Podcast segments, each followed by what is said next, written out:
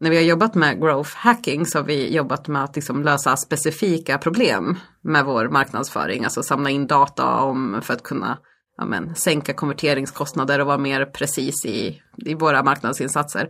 Men när det kommer till growth marketing, många brukar ju också benämna det som datadriven marknadsföring, så handlar det ju på något sätt att sy ihop allt det här vi har gjort och titta från ett liksom bredare perspektiv. Vad är det vi gör egentligen? Hur kan vi få de här äh, insatserna att synka med varandra på ett bättre sätt? Och kanske samla in insikter för att också utmana det vi redan gör. Alltså inte bara lära av datan utan även tänka mer kreativt kring våra insatser.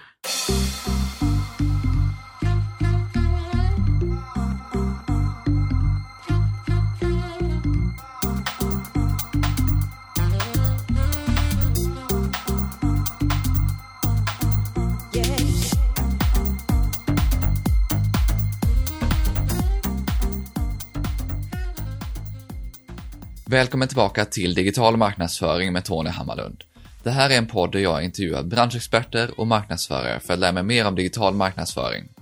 Mitt mål med podden är att bli en bättre marknadsförare och samtidigt dela med mig av intressanta samtal med några av Sveriges bästa marknadsförare. Den här veckan har jag med mig Sara Öhman som är en av Sveriges främsta experter på sociala medier och digital marknadsföring. Hon är också en av de mest önskade gästerna till podden och i det här avsnittet pratar vi growth marketing och datadriven marknadsföring. Sara har varit frilansande konsult under många år och har arbetat med mängder med välkända företag och varumärken. Listan är riktigt lång. Sara är även en väl anlitad föreläsare och kursledare. Hon utbildar varje år hundratals marknadsförare inom growth marketing, datadriven marknadsföring och sociala medier på yrkeshögskolor, webbdagarna Academy och Bergs. Helt enkelt den perfekta gästen för det här avsnittet. Vi pratar om vad growth marketing är, vad det innebär att arbeta datadrivet med marknadsföring och varför vi inte längre kan arbeta kanalfokuserat. Sara förklarar också hur man lägger upp en strategi för growth marketing, hur arbetsprocessen ser ut och vad som krävs av marknadsteamet för att arbeta på det här sättet. Du får bland annat höra vad som skiljer mellan growth marketing och growth hacking, hur man planerar upp aktiviteter och innehåll under kundresan och hur man prioriterar mellan olika aktiviteter. Jag tog med mig jättemycket från det här avsnittet och jag hoppas att du kommer göra det också. Precis som vanligt så hittar du länkar till de böcker, poddar, kurser och andra resurser vi nämnde i poddlägget på tonyhammarlund.io så du behöver inte anteckna. Och efter länkarna så hittar du också tidstämplat i de olika sektionerna i intervjun. Men nu har jag pratat tillräckligt. Vi börjar intervjun med att Sara berättar om vad growth marketing är för något. Jag tror att någonstans så handlar det om eh, relationen till growth hacks. Vad, vad är det egentligen? Och varför man börjar prata om growth marketing. Och jag tror att när vi har jobbat med growth hacking så har vi jobbat med att liksom lösa specifika problem med vår marknadsföring. Alltså samla in data om för att kunna ja, men, sänka konverteringskostnader och vara mer precis i, i våra marknadsinsatser. Men när det kommer till growth marketing, många brukar ju också benämna det som datadriven marknadsföring så handlar det ju på något sätt att sy ihop allt det här vi har gjort och titta från ett liksom bredare perspektiv. Vad är det vi gör egentligen? Hur kan vi få de här äh, insatserna att synka med varandra på ett bättre sätt? Och kanske samla in insikter för att också utmana det vi redan gör. Alltså inte bara lära av datan utan även tänka mer kreativt kring våra insatser. Och det här är ju en podd om digital marknadsföring, så jag vill också gärna veta din syn på hur man ser på growth marketing kontra traditionell digital marknadsföring? Vad jag tror att det handlar om där när vi tittar på digital marknadsföring och definitionen och korrekt definition åt sidan. Men när vi pratar om digital marknadsföring idag så pratar vi ju väldigt mycket om kanalspecifik marknadsföring. Alltså vad, hur jobbar vi med Google, hur jobbar vi med sök, eh, sökordsmarknadsföring, hur jobbar vi med paid social och så vidare. Det är oftast sett på digital marknadsföring och när vi beställer digital marknadsföring Oavsett ifall det är intern beställning eller ut mot byrå så beställer vi oftast kanal för kanal. Men när vi pratar om digital datadriven marknadsföring och dit vi vill, vi vill landa, antagligen varför vi har satt ett nytt namn på det, är ju för att du vill se det här, hur, hur kan vi få kanalen att, att, jobba ihop? Alltså hur kan vi titta på hur vi påverkar en kund över hela kundresan?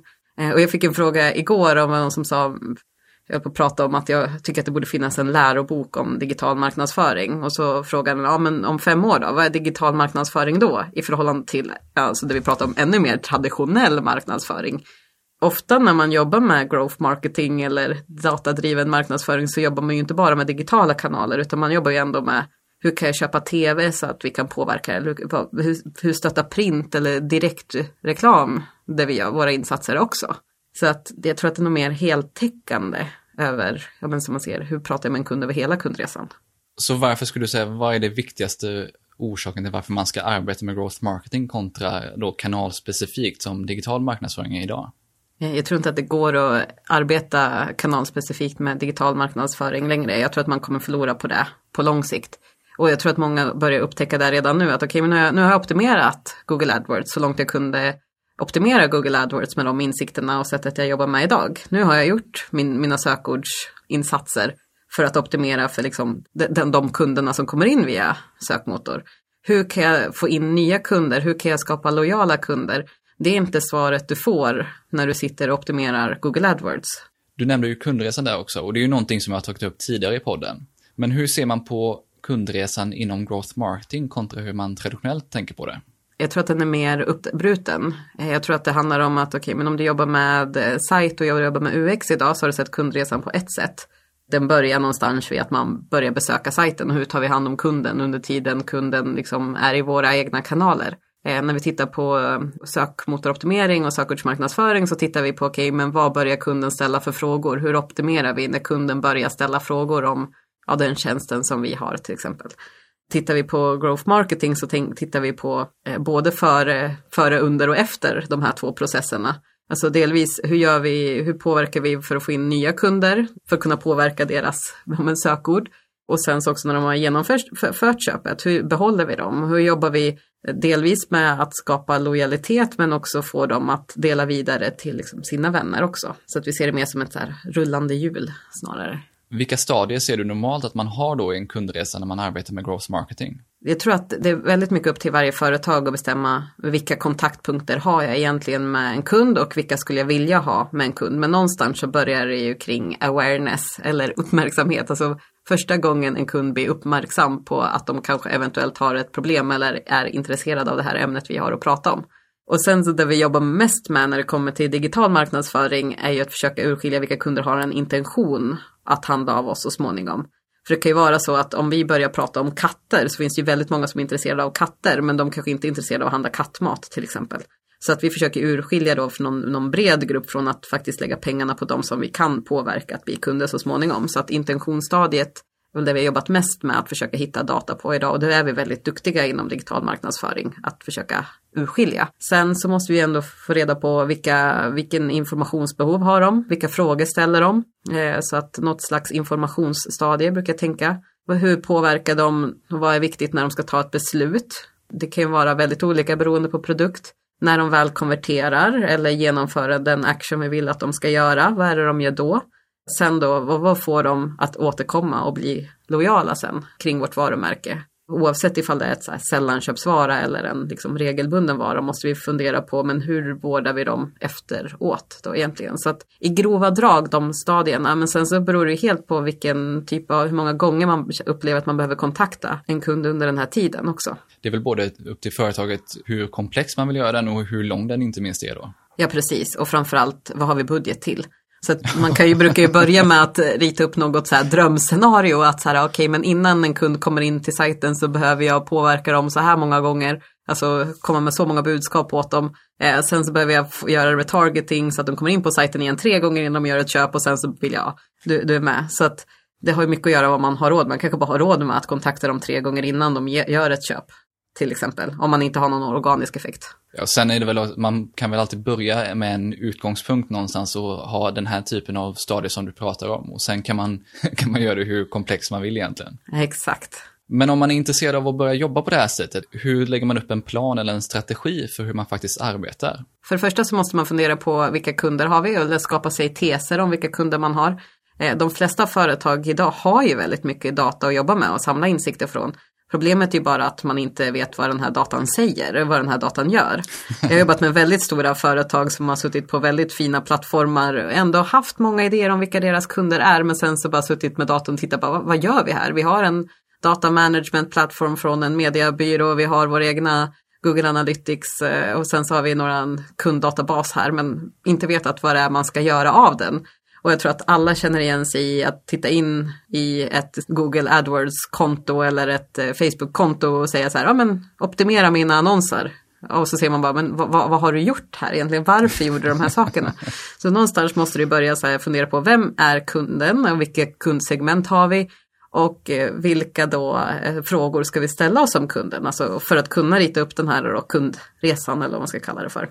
För att samla, fundera på vilken data behöver jag om vilken kund i vilket skede. Eh, så att det är väl någonstans att börja i den änden och fundera över det.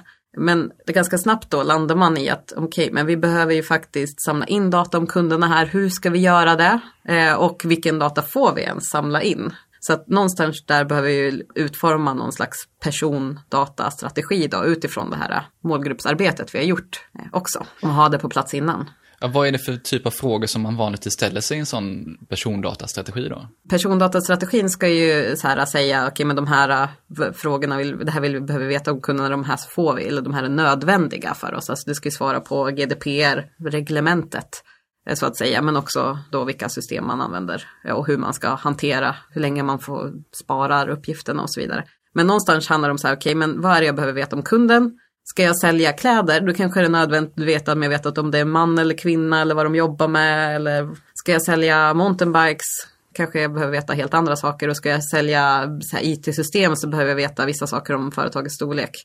Det beror ju på vad, vi är, vad det är för produkt som vi, som vi säljer. Tittar man på vad som är den stora trenden just nu så behöver vi hit, försöka leta upp så här, hur fungerar kunderna, vad finns de i för städer? Jag satt med ett eh, vinföretag igår och pratade om olika segment på Systembolaget för hur man liksom ska och titta på deras försäljningsdata, eh, det kan vi gå in på sen någon gång, så här, försäljningsdata på Systembolagets algoritmer. Men försöka förstå vilka då eh, platser i Sverige som konsumerar vilka typer av vin och utifrån det kanske vilken inkomst de har och vad de är intresserade av, varför de köper vin, vilka de vill imponera på och så vidare. Och sån data vill man ju ha, men börja försöka förstå på baserat på vilka tester man ska göra. Så det är egentligen att fundera igenom ordentligt vad det är man faktiskt behöver veta om sina kunder för att också marknadsföra sen? Ja, och viss data så kanske man kan samla in i olika fack i något form av system. Men mycket av det så handlar det om att så här, men jag, jag kommer utforma mina annonsbudskap på det här sättet. Så jag vet ifall de funkar eller inte mot den här målgruppen. Och sen så liksom för att kunna optimera sin liksom, kreativitet på det sättet, hur man kommunicerar med en kund. Data man samlar in kan både komma från rena tester man gör med olika budskap, olika typer av innehåll och även rent alltså ställa frågor till målgruppen egentligen. Ja, i form av, alltså, och då, då, kommer den ju in snarare när de faktiskt fyller i uppgifter om sig själva. Och det kanske är oftast genom köpen då som vi får dem besvarade. Men hur vi segmenterar den datan sen och använder den blir ju den stora frågan. Och sen i en strategi så är ju en viktig sak, det är just det här med mål. Och man har ju självklart någon typ av affärsmål och man har förhoppningsvis en marknadsplan där man har marknadsmål där också. Mm. Men vad är det för typ av mål och hur mäter man inom growth marketing? det du säger är ju att de flesta har ju mål och affärsplaner och marknadsplaner på plats. Det här med growth marketing, eh, att arbeta datadrivet, det är ju snarare inte att man ska hitta nya mål utan det handlar väl snarare om att man ska ta de målen fast arbeta med dem på ett mer effektivt sätt eller ett mer optimerat sätt för den tid vi lever i kanske och de krav som de, våra kunder ställer på. Så att oftast är det ju samma mål. Sen så kan vi samla, bryta ner dem mycket mer när vi jobbar med growth marketing och förstå så här, okej okay, men vi har som mål att vi ska sälja så den här typen av, nu blev det vinexempel här, men den här typen av vin mot det här segmentet. Hur kan vi mäta att vi påverkar dem på vägen? Alltså hur många är det som intresserar sig för det, börjar prata om de sakerna som vi är, de vi tror att de är intresserade av till exempel. Var de intresserade av resor också, till exempel? Eller var de mer intresserade av trädgård och hemmaliv? Alltså det är sånt som vi kan få besvarade. Och utifrån det påverka hur vi så här, tweakar våra budskap. Och sen så, ja men klickade de sig in eller var de, ville de hellre gå till en butik eller ville de hellre beställa eller den typen, vill de plocka upp telefonen och ringa? Beroende på vad vi har för tjänst. Så att det finns mycket mer saker vi kan mäta under tiden. När man pratar kundresor så brukar man också ofta prata någon typ av lifetime value eller liknande mätvärden som man tar fram. Mm. Finns det några sådana typer av KPI eller andra metrics som man tittar ofta på inom growth marketing då? Om vi börjar fundera på hur vi ser på hur vi pratar med en kund och rita upp vilka kontaktpunkter vi har med en kund över hela tiden så börjar vi kunna se på hur vi faktiskt hur länge de stannar hos oss också och hur, vilken typ av information påverkar dem. För till exempel, ta då ett exempel på en e-handel där vi ska sälja Apple-tillbehör till exempel. Då googlar du till exempel en sån här adapter. Om du, nu behöver jag en sån här adapter till Apple, ni vet, de här nya datorerna. De här ökända donglarna. De här ökända donglarna som jag precis har gått och retat runt här. Så att upp, uppenbarligen så sitter jag och söker, jag bara jag ska ha den här snabbt och så beställer jag den. Och sen så får jag den och så är jag nöjd. Men i många fall här kanske vi hade velat påverka då eftersom det finns extremt många sådana tillbehörsbutiker eftersom många har identifierat det här problemet. Så kanske jag vill då vara en sån butik som sätter sig, är det första jag tänker på när jag ska hitta en sån så att jag går direkt in för då slipper jag betala för AdWords-annonser eller liksom så här, försöka nå ut i det bruset som är nära köpresan. Så att då börjar vi kunna titta på, okej okay, men customer acquisition cost över tid och sen så också då nu när kunden har fått den här och är nöjd, ja men då kanske den insåg att den behövde en annan dongel för man behöver ju många donglar. Eller ett extra batteri eller vad det nu kan vara för någonting. Telefonskal kanske, eller ja, alla de här sakerna som vi skulle kunna tänkas behöva. Och, och, och då börjar vi titta på, som du säger också, lifetime value. De här kunderna är faktiskt våra över en lång tid också. Och då kan man ju helt plötsligt lägga lite mer pengar på varje interaktion med en kund om man faktiskt vet vad de är värda över lång tid. Ja, precis. Jag brukar göra så med mina kunder att när man, när man ska planera sina digitala insatser och fundera på men vad kostar en varje kund i varje steg, vad kostar den då per, per kanal till exempel. Och då kan man ju se rätt fort att kanske en kanal är mycket billigare än en annan kanal och då brukar traditionellt sett så har kunden bara kasta bort de kanalerna som upplevs mer dyra. Men det kan ju vara så att den här dyrare kanalen, till exempel säg att vi ska jobba med influencers, ingen värdering i det. Jag vet att många kommer sitta och tänka på, men influencers funkar inte. Men i alla fall, vi vill bortse från det. Att jobba med influencers kanske gör vår då performance marketing på Facebook mycket bättre. Och det kanske man, för man ser då att en kund som har kommit in via en influencer också stannar längre och köper fler produkter i efterhand. Vilket om man tittar på, om vi bara jobbar med Google AdWords så ser vi att det är jättebillig konvertering men den kunden, den, den kommer inte tillbaka på samma sätt om vi inte har gjort det extremt bra, kommer med erbjudanden efteråt via e-post som är generella, ni vet det klassiska. Eh, så börjar ställa upp dem mot varandra så börjar man också se, okej okay, men de här kanalerna kanske samspelar på ett helt annat sätt. Och då kan man börja bli mer kreativ och se vad man kan investera i form, annan form av marknadsföring för att nå ut i bruset. Ja, här blir det ju väldigt komplext för här just vad är det för samspel mellan olika typer av kanaler, olika typer av innehåll, olika typer av annonser och så vidare. Men för att arbeta med data och datadriven marknadsföring som det här är så är det ju någon typ av ekosystem man behöver ha med verktyg eller tjänster för att kunna jobba så här, antar jag också. Vad skulle du säga är det för verktyg eller tjänster som man behöver för att arbeta med growth marketing? Delvis behöver du ju någon form av, alltså först och främst så där vi pratar om datastrategi och hur du samlar in information om kunden så behöver du något form av CRM-system som du arbetar med och eh, också någon form av affärssystem för hur du ja, samlar information om dina produkter och så, med inköp och allting, hur din affär ser ut helt enkelt. Eh, sen så behöver du något sätt att hämta in data från de andra plattformarna som till exempel Google eller Facebook eller om du jobbar med performance marketing eller ifall du jobbar med andra sajter. Så att få, in dem. Och för att synka alla de här, jag tror att det är det de flesta upplever som den stora utmaningen, eh, måste du ha någon slags något data warehouse eller data cloud på plats som får in allting på samma ställe så att du kan jobba med segmentering och sen så framförallt då alltså visualisera datan och kunna dra insikter av datan, hur det här synkar så. Så att det är väl oftast liksom den sambandscentralen för data var jättedåligt beskrivet men som är utmaningen och se hur man gör det här. Några företag som jag har jobbat med och de enda som faktiskt har jobbat med det som jag har sett på riktigt har ju kanske dragit ut allting och lagt det här i någon form av Excel. Bara för att kunna vara trygg med de systemen man, man har. Så. Men det finns ju också andra som kan lösa det åt en. Det är väl också att börja med ett stort system och ett, ett komplicerat sätt för att samla ihop datan kanske inte är jättelätt att det är första man gör. Man ska veta vad man ska göra av den också och vad som, vad, vad, vilka insikter man behöver. Eh, så att jag är ju helt med på att börja någonstans i en eh, Google Sheets eller Excel-miljö och sen eh, titta på vad man kan göra med den här datan. Ja, för, förhoppningsvis för att oftast är det ju, alltså alla de här systemen finns, sen så kanske inte rapporteringen eller datainhämtningen är perfekt.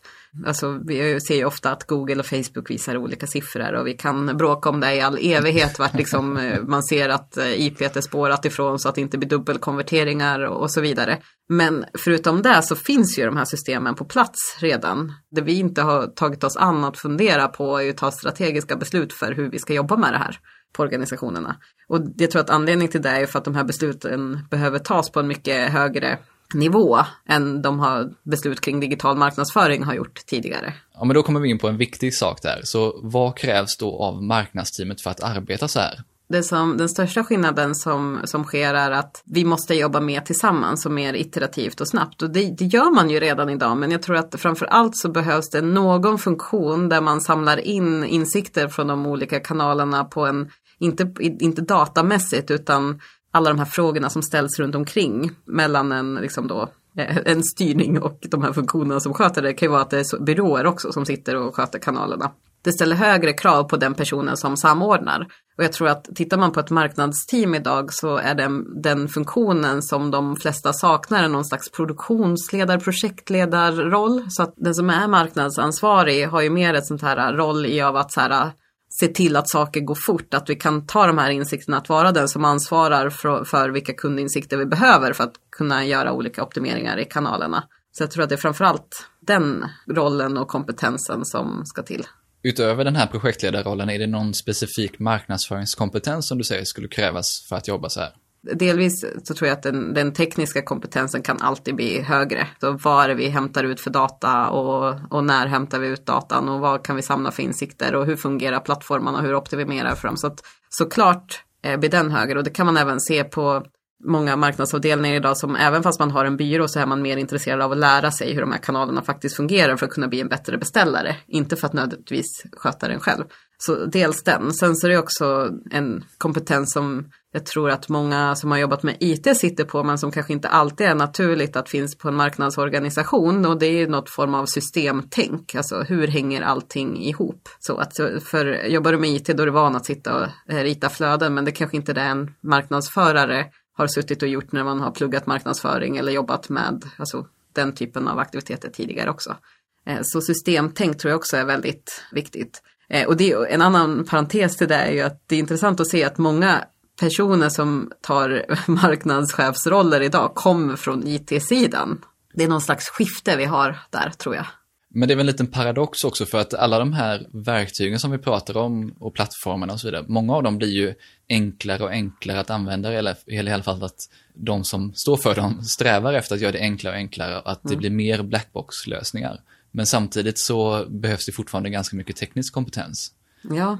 Så det är lite svårigheten däremellan att veta, ska man satsa på att vara väldigt teknisk eller kommer de här verktygen bli enklare att arbeta med framöver? Jag tror att de kommer bli enklare att jobba med men fortfarande de som, alltså det är som med allt, när det här, när det blir lättare att förstå dem på då kan vi ägna oss åt andra saker som vi kan ägna oss åt att bli mer eh, strategiska. En annan sak som är intressant att jag brukar utbilda mycket byråer också, så inte bara marknadsmänniskor, men eh, så pratar du med en till exempel kreativ byrå, ifall du pratar med en reklambyrå, så om man börjar måla upp de här scenarierna när vi kan bli mer smartare och vara mer precisa i vår kommunikation så säger de, men, vi, men nu är vi helt meningslösa helt plötsligt. Men det är ju inte, det är ju tvärtom. Det är då arbetet kan börja. För att om vi bara tittar på datan och ger folk det vi har, då kommer de bli uttråkade på en kvart. Eh, så, så att, och det märker man ju redan nu, att säga, okej, okay, men jag har redan fått det här, jag förväntade mig det här. Men när jag blir överraskad, när jag ser någonting nytt, när jag upplever att så här, ah, wow, här blev jag utmanad. Alltså det ligger ju i oss som människor men då börjar vi kunna intressera oss för andra saker. Så att det kreativa, att förstå både systemen och det tekniska och sen så vara en kreativ person på det. Jag tror att det är de som kommer vinna allra mest. Samtidigt, en person som är teknisk kan ju fundera ännu mer på hur man kan utveckla det här tekniskt. Det är verkligen två saker som drar mot varandra, det här tekniska, analytiska och så har man det kreativa på helt andra sidan egentligen. Ja, fast det fina är att det börjar sys samman och vi kanske börjar kunna få upp ögonen för varandra. Jag brukar driva tesen om att eh, alla marknadschefer borde gå ett tekniskt basår för att liksom, förstå det här. Och så säger alla, men vad då en tekniker kan ju inte prata. nej men varken eller är ju så här, någonting magiskt. Så. Eh, för mig som är mindre kreativ tycker jag att kreativa människor är, så är det mest magiska som finns. Jag förstår inte hur deras hjärnor fungerar för jag behöver ju sitta och stirra i så här siffror för att jag ska kunna ta, liksom, hitta kreativa lösningar. Eh, men de har ju också sina processer för hur de jobbar. En annan fråga som jag funderar på det är just hur storleken på både företaget, teamet och kanske också budgeten påverkar hur man faktiskt kan arbeta med det oavsett ifall man sitter på ett litet företag så är man ju alltid avis på de som har stora budgetar och många människor att kunna jobba med. Och är man på ett stort företag så tänker man, fan vad jag önskar, oj förlåt att jag svor nu. Och är man på ett stort företag så tänker man, åh, jag skulle önska att det här var mer lättrot. Om jag bara eh, inte behövde alla de här besluten, gå till alla de här personerna, ta de här tekniska besluten så skulle det här vara mycket enklare. Så att jag tror att det är lika svårt oavsett om man är i ett stort eller ett litet team. Eh, jag tror också att det här är en förändring som vi kommer se över flera års tid. Så att eh, större organisationer kanske har bättre förutsättningar i form av att köpa in tekniska lösningar och bygga det här eh, men eh, det kommer ta längre tid för dem. Små företag kan börja redan nu och samla in data på ett sånt här sätt och ta snabba beslut. Däremot tror jag många små företag eh, glömmer vikten av att tänka långsiktigt i det här och kanske inte har de ekonomiska förutsättningarna för att kunna tänka långsiktigt. Eh, så att kunna påverka kunden i flera steg. Men jag tror att det är värt att göra det ändå. Annars kommer man sitta på samma plats om ett år som man gjorde för ett år sedan det är intressant att höra dina tankar om det, för många små företag klagar just på att man är ett litet team, man har färre och mindre resurser. Och på andra sidan står storföretagen som har svårare att få mandat för att göra olika saker och att det ja, tar längre tid. Exakt. Så det, inget är helt perfekt utan eh, alla ser att det är gräset är alltid grönare på andra sidan. Jag ska till ett jättestort eh, företag nästa vecka eh, som har väldigt mycket av de här sakerna på plats redan. Men deras beställningar, kan inte du, vi, vi vill prata om growth, vi behöver jobba mer datadrivet. Kan inte du komma och prata om hur startups jobbar? Så här, för att det är de vi måste jobba som. Han bara, ja men precis. Det går alltid åt båda hållen. Det är jätteintressant för då har vi lite grunderna här. Men om vi går över lite på hur man faktiskt arbetar med det. Så hur skulle du beskriva hur arbetsprocessen ser ut när man arbetar med growth marketing? Ja, vi kanske tänker att vi har några, några stora hållpunkter i hur vi ska få det här det datadrivna hjulet att fungera på en, på en marknadsavdelning. Och för främst så behöver vi något sätt att hantera datan. Alltså där den här persondatastrategin grundas i. Hur samlar vi in datan? Var, var har vi den någonstans? Och vad, vad lär vi oss om våra kunder så att vi kan analysera den? Eh, nästa steg kommer ju till att på något sätt jobba med att segmentera datan. Så att eh, hur jobbar vi med målgruppssegmentering? Hur lär vi oss av det här? Vad har vi för system för det? Nästa steg blir ju då att faktiskt kunna kommunicera med kunderna, så då behöver vi något form av hantering för att skjuta ut annonser, alltså annonssystem och sen så behöver vi något form av innehåll också, så att vi behöver något form av innehållssystem så att vi kan testa det här.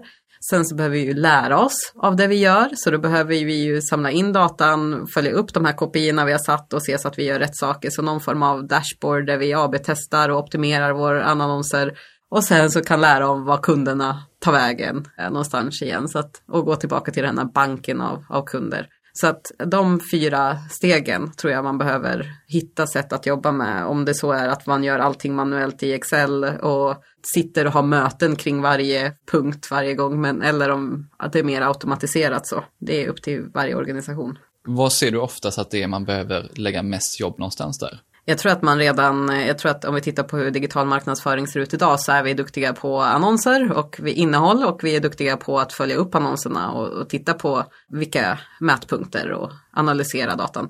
Jag tror att framförallt är de två första som är den stora utmaningen idag. Alltså hur samlar vi in data? Alltså vilken person, hur, samlar vi, hur förvarar vi datan om kunderna? Och hur segmenterar vi på, på ett trovärdigt sätt? Jo, men det är ju intressant också att höra så att man lägger fokus där man kan utveckla mest också. För det är väldigt många just för att man har arbetat med att optimera olika kanaler, att där är man ändå ganska stark, att hur man gör riktigt bra Facebook-annonser eller vad det nu kan vara för kanal. Ja, alltså jag tror det minsta problemet är hur vi gör bättre Facebook-annonser eller hur vi gör bättre filmer idag, det vet vi. Och ganska många då eh, organisationer som jag jobbar med funderar ofta på, men vad ska anställa för personal? Och så har man i de flesta fall så har man insett att det här med sociala medier är eh, det som ska lösa att vi kan kom, jobba närmare kunderna just på grund av att det finns så mycket data man kan gå ut med folk och det är lätt att engagera dem. Medan man i andra köpta kanaler som performance eller tv eller print bara kan gå ut med liksom några budskap och ganska platt så. Så då säger de så här, ja men vi ska ha en social media manager som är strategisk, de ska kunna skapa mycket innehåll, de ska kunna analysera och så vidare. Tills man då börjar inse att oj, vi kan inte anställa en person förrän vi har tagit de här besluten i hur vi ska jobba med våra kunder egentligen. För att det kan ju inte en person som ska skapa mycket innehåll kanske behöver angivningar för hur den ska, så att liksom processen går mycket fortare. Eller så är det någon då som försöker anställa någon som kan allt. Det är ju de här fantastiska ja. jobbannonserna som kommer. Precis. och det är för att det är så många som har tagit på sig att kunna allt. Alltså, när man har jobbat i branschen sedan branschen uppstod så har man ju fått tagit på sig alla de här äh, delarna. Men när man ska skala upp och lösa det här så kanske man inte kan göra, kan göra det längre. Då inser man att det krävs flera olika kapabiliteter för att göra det så bra som möjligt. En annan sak som jag funderar lite på när vi är inne på det här med kundresor, det är just hur man på ett bra sätt syr ihop alla olika kanaler man har och också planerar upp innehåll i dem. Återigen, det handlar ju, och om det så är att du sitter med ditt team och eh, ritar upp det på en tavla eller om eh, du sitter i ett Excel-ark och börjar jobba med det, eh, så så tror jag att någonstans du måste börja där. Men det jag brukar titta på är så här, dels rita upp den här kundresan, försöka hitta de då beröringspunkter som vi bör ha med en kund utifrån hur deras liksom inte inre resa ser ut, men hur deras, liksom, ur deras perspektiv så. Så fundera på vad har de för triggers för varje del för att uppmärksamma oss eller för att visa intention att de ska handla över oss eller söka information. Alltså vad är det som triggar dem? Hur skulle vi, vad tänker vi att vi följer upp med för budskap mot de här triggersarna de har? Alltså hur tänker vi att vi ska kommunicera? Vilka kanaler bör vi kommunicera i eller befinner de sig i varje steg? Vad är det vi ska mäta då utifrån vilka kanaler de har? Vad tänker vi att de konsumerar för typ av innehåll? Vi vet ju att vissa människor älskar att klicka på länkar det första de gör och göra research medan några gillar att titta på film. Hur, ser liksom, hur fungerar då den här kunden vi ska prata med? Eh, så att det är väl de stora liksom, sakerna man får skapa sig teser kring för att se vad det är vi gör. Något annat vi ska komma ihåg med att traditionellt sett så jobbar vi ju ganska mycket i årsplanering av kampanjer och så. Och så har vi olika produktlanseringar kanske vi ska gå och nå ut med. Och där gäller det att tänka på att olika av de här typerna av aktiviteterna vi gör påverkar kunder i olika steg. Så att till exempel en produktkampanj kanske berör en kund i informationssökandet medan en varumärkeskampanj når dem i ja, men uppmärksamhetsstadiet eller lojalitetsstadiet. Så det får vi också liksom tänka ut och se så att vi gör rätt mängd av saker mot de olika kunderna. Så. Ja, men det är jätteintressant att höra hur man ser ihop det. För det blir ju ganska komplext när man har ett antal olika målgrupper eller personas eller vad man nu väljer att kalla det man arbetar med då. Mm. Och sen ska man ha ett antal olika steg i en kundresa och mängder med olika möjligheter egentligen som man kan nå dem med. I olika typer av kanaler med olika typer av innehåll. Ja, eh, så någonstans rita upp dem. Jag brukar, innan jag ens börjar jobba med en kund så brukar jag lämna över den frågan till dem. Dels så brukar jag så här, ha en målgruppsmodell som jag tvingar dem att sätta dem med. För det, så här, som har att göra med men vilka är era varumärkesambassadörer, alltså vilka är era kunder som för ert budskap vidare, alltså driver det här åt er. Sen så vilka är det som typ engagerar sig och vilka är det de som är liksom long tail, är de egentligen som kanske kommer handla mest så. Så delvis det, utifrån det hitta olika typer av personas att jobba vidare med och sen så rita upp då den här kundresan. Så att jag har ett Excel som jag säger här, gör det här, varsågod. så kan jag komma tillbaka och visa er facit sen kanske. Men, men alla brukar på något sätt, den, den är så bra för att alla brukar på något sätt då bara, ja ah, just det, Även fast man tycker att man jobbar kunddrivet innan så brukar man säga, men jag har inte sett det från liksom den här så pass från kundens triggers synvinkel innan. Så att det brukar ge mycket. Och jag uppmanar oftast kunder att liksom sätta sig i ett stort team tillsammans och diskutera först, även fast det kanske är någon creative director och en analytiker som har huvudansvaret för att sitta med det. Så när alla får komma med sin input, för då börjar man se att ja, men det är olika delar av teamet som jobbar med olika så säga att det kanske är en sociala media manager och en AdWords-person som ser sina delar i den hela kundresan också. Och då börjar man kunna jobba tillsammans och då kanske man slutar bråka om vem det var som drev vilken konvertering. Så också. Vdn ska också alltid vara med i den här övningen vill jag bara säga. Eller den så högt personchef som möjligt. ja, men det är kul att höra att man får lite hemläxa då innan man sätter sig ner och jobbar med det. Ja. Men sen är också att göra den här typen av inventering av vilka olika kunder man har, vad det är man har för olika typer av innehåll och i vilka stadier man kommunicerar. Det blir ju ganska tydligt när man målar upp det också vad det är man fokuserar kanske lite för tungt på och vad det är man fokuserar alldeles för lätt på. Ja, och många fall, såklart man fokuserar på det man är bäst på, men det blir lätt att se, oj, oj, vi kanske missar något här, här har vi ett stort hål, vad gör kunderna här? Ja, men det är klart att vi tappar kunderna här. ja. Vi gör ingenting idag. När man jobbar med både digitala och fysiska kanaler så finns det ju hur många olika saker som helst man kan göra inom marknadsföring egentligen. Så mm. hur prioriterar man olika kanaler mot varandra? Delvis så handlar det om att kolla på men hur, hur väl lyckas vi med några olika parametrar i varje kanal så att göra så här hälsocheckar. Så hur många når vi ut till, hur aktiverar de sig i den här kanalen och hur intresserar de sig vidare att de går från en kanal till en annan via den här kanalen. Så att delvis sy ihop det. Sen så beror det också jättemycket på vilken kund och så man har att påverka. Det är ganska många fall faktiskt som jag tänker att nej men den här äh, produkten eller den här typen av kommunikation kommer inte funka i digitala kanaler. Så att för att nå brett och trycka ut varumärket, alltså klassiskt trycka ut varumärket och påverka någon till en snabb konvertering så kanske det är tv och print som är bäst. Och har man inte råd med det så får man hitta någonting annat.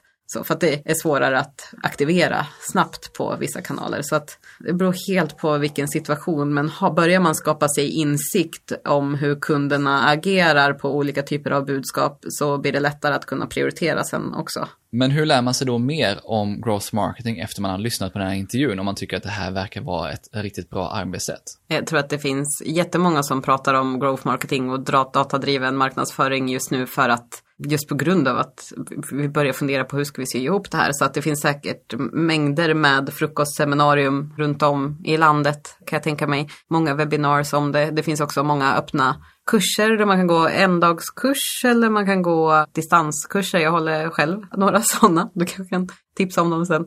Men eh, så, att, så det finns många olika just för att få inspiration i ämnet. tror jag att det finns många sådana. För att lära sig mer och jobba med det så tror jag att man ska titta på ja, men, vilka olika delar behöver vi i vår organisation just nu. Jag själv lyssnar också mycket på poddar som pratar om hur företag har löst olika former av growth-problem generellt sett. Min favoritpodd är Masters of Scale med Reid Hoffman, LinkedIn-grundaren som intervjuar olika startup-människor med vissa specifika fenomen i, i åtanke. Så framförallt så det. Finns det några andra poddar eller bloggar eller sådär som du skulle rekommendera på ämnet growth? Så? Jag är ganska dålig på att lyssna på just growth-poddar. Det finns jättemånga eh, intressanta Facebookgrupper framförallt tycker jag, som pratar om growth hacking mer och lösa specifika problem. Och har man det strategiska perspektivet med sig när man går in och tittar på de specifika problemen så, så tror jag absolut det är jättenyttigt. Så till exempel Swedish Growth Hackers är ju kanske den absolut största av dem alla på Facebook. Den är jättespännande att sitta och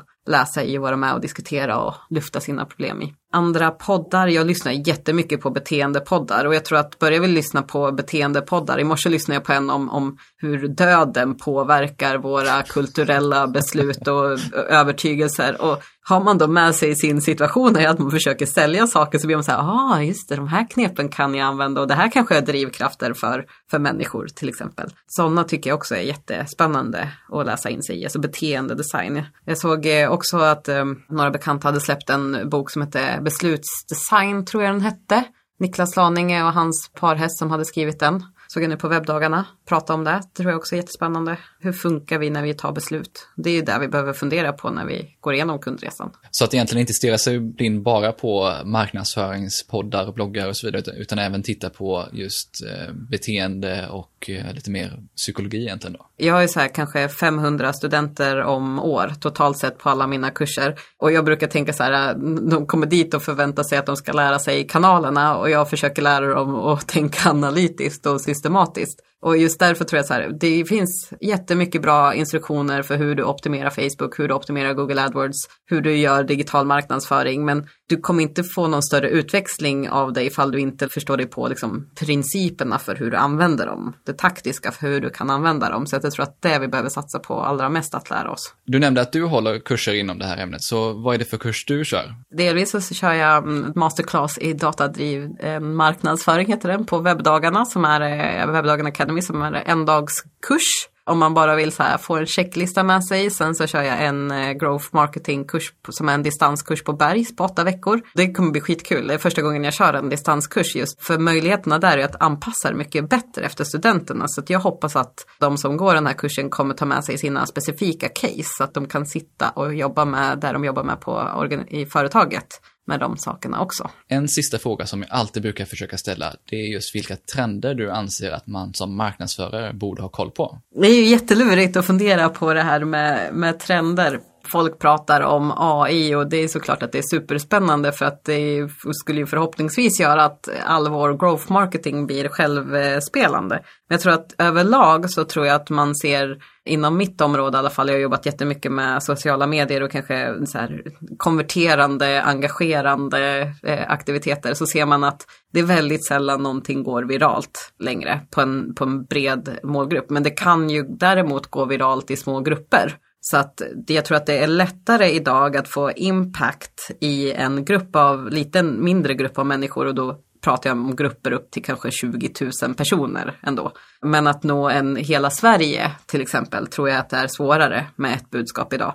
Och det är ju delvis för att vi tittar inte på tv i samma utsträckning och eh, våra in, vårt internet är mer kategoriserat utifrån vilka intressen vi har. Men däremot om du är mer specifik kring vilka intressen eller arbetsgrupper du är intresserad av så kan du absolut få en stor täckning. Men om du satsar på breda budskap så tror jag att du inte kommer särskilt långt och det tror jag är den största trenden inom det jag jobbar med i alla fall och framförallt i hur man jobbar med att eh, ta fram kreativt innehåll en tydlig indikator på att det här håller på att hända är ju att Facebook släpper ju, gör ju studier på sina användare hela tiden och Facebook är ju ändå vad den större delen av, i alla fall vårt internetanvändare går, går åt till. Och där släpper de ju studier bland annat varje år på hur länge vi spenderar med, lång tid vi spenderar med varje innehållsenhet liksom, på, i deras kanaler. Och för ett år sedan så var det 1,2 sekunder och det har ju gått ner hela tiden, det är därför vi jobbar med mycket snabbare innehåll. Men nu så börjar vi se att det, det börjar öka igen så att nu ligger det här på 1,7 och 0,5 sekunder låter ju inte som någonting mycket men står du ut här på allt innehåll på hela Facebook så säger det en hel del. Och det gör ju också så att vi ser ju att vi spenderar mer tid med varje innehåll men det är också för att vi upplever att det här blir mer relevant. Man kan också se att till exempel eh, click-through rate på annonser börjar gå upp för att Facebook har ändrat om i, i algoritmen. Och en annan indikation på det är att man kan se att filmer i sociala medier som är under 10 sekunder är inte vi lika benägna att engagera oss i längre så att vi vill se längre innehåll. Och just på grund av att vi är beredda att konsumera sånt som vi faktiskt är intresserade av. Men vi är inte intresserade av att konsumera sånt som bara känns som så här allmänt skoj. Eh, och då kan vi tycka att, men jo, all, alla humorklipp jag ser, de är ju, de är ju jätteallmänna. Va? Nej, de är oftast, om du jämför dina humorklipp med din kompis humorklipp, låt oss säga att du måste hitta någon som har annan typ av humor, så ser det helt annorlunda ut också. Så att din humor är din humor. Ja, men sen rent procentuellt så är det ju en väldigt stor förändring också. Ja, definitivt. Vad innebär den här förändringen för oss marknadsförare då? Eller den här trenden? Att du behöver jobba med growth marketing. för att uh, förstå dig på vad dina kunder vill ha. Vilket community du jobbar med. Du behöver liksom gräva djupare i så här, vad är det egentligen de säger och vill, vill ha. Det är ju ett perfekt sätt att avsluta den här intervjun på. Men innan vi slutar så måste vi ändå ha med hur man följer dig bäst och dina uppdateringar. Det är ju jättelätt. Det är bara mitt namn. Jag har inte hittat på något så här smart avatarnamn. Så Sara Oman, alltså Sara Öman fast utan prickar. Vilken kanal som helst. Facebook, Instagram, LinkedIn. Var är du mest aktiv någonstans då? Jag är mest aktiv på Instagram faktiskt. Jag tycker att det är jätteroligt att labba med Instagram. Man får följa, dock får man följa både friluftsliv och eh, internet eh, och frilansliv. På LinkedIn får man väl mer marknadsföringstips. Men jag tycker det är svårt med LinkedIn. Det blir mycket self-promotion. Ibland så tycker jag att det är lite så krystat i min kommunikation. Därför föredrar jag Instagram där man får tala fritt. Och sen har du ju en jättebra blogg också. Det har jag. Den får man jättegå in och läsa. Jag går också in och läser den för att påminna mig själv när jag ska... Hur var det när man löste det här problemet? Just det, det har jag redan tänkt. så ja, lite hybris där kanske, men gå in och läs. Det finns många bra tips. Tack så hemskt mycket för idag Sara. Mm, tack själv, det var jättekul att få grotta ner i det här ännu mer. Det här var så intressant och jag tog med mig mängder med insikter från den här intervjun. Framförallt hur growth marketing är en bra lösning för att knyta ihop alla kanaler vi arbetar med och börja titta på hur vi kommunicerar över hela kundresan. Det blir som ett perfekt lager mellan de kanalstrategier vi har idag och den övergripande marknadsplanen. Jag hoppas att du också gillade avsnittet och att du fick med dig några riktigt bra insikter precis som jag. I poddenläget på tonyhammarlund.io hittar du som vanligt ett gäng med länkar, allt från Saras sociala kanaler till hennes blogg och de kurser hon håller. Där kan du även ladda ner kundresemallen Sara berättade om i avsnittet den är superbra för att enkelt mappa upp innehåll för olika målgrupper i olika stadier. Och har du några frågor till Sara om growth marketing så kan du ställa dem direkt i kommentarerna i poddenläget. Gillar du det här avsnittet och podden så hoppas jag att du också prenumererar i din podcastapp. Då missar du inte när jag släpper nya avsnitt. Och dela gärna vidare avsnittet till andra som du tror kan gilla det. Hänger du på LinkedIn så får du också gärna passa på att skicka en kontaktförfrågan till mig så kan vi prata mer om digital marknadsföring där. Avslutningsvis vill jag passa på att tacka Mikael på Music som hjälper till med att producera den här podden och stå för musiken. Vi hörs snart igen med fler intressanta gäster och ämnen.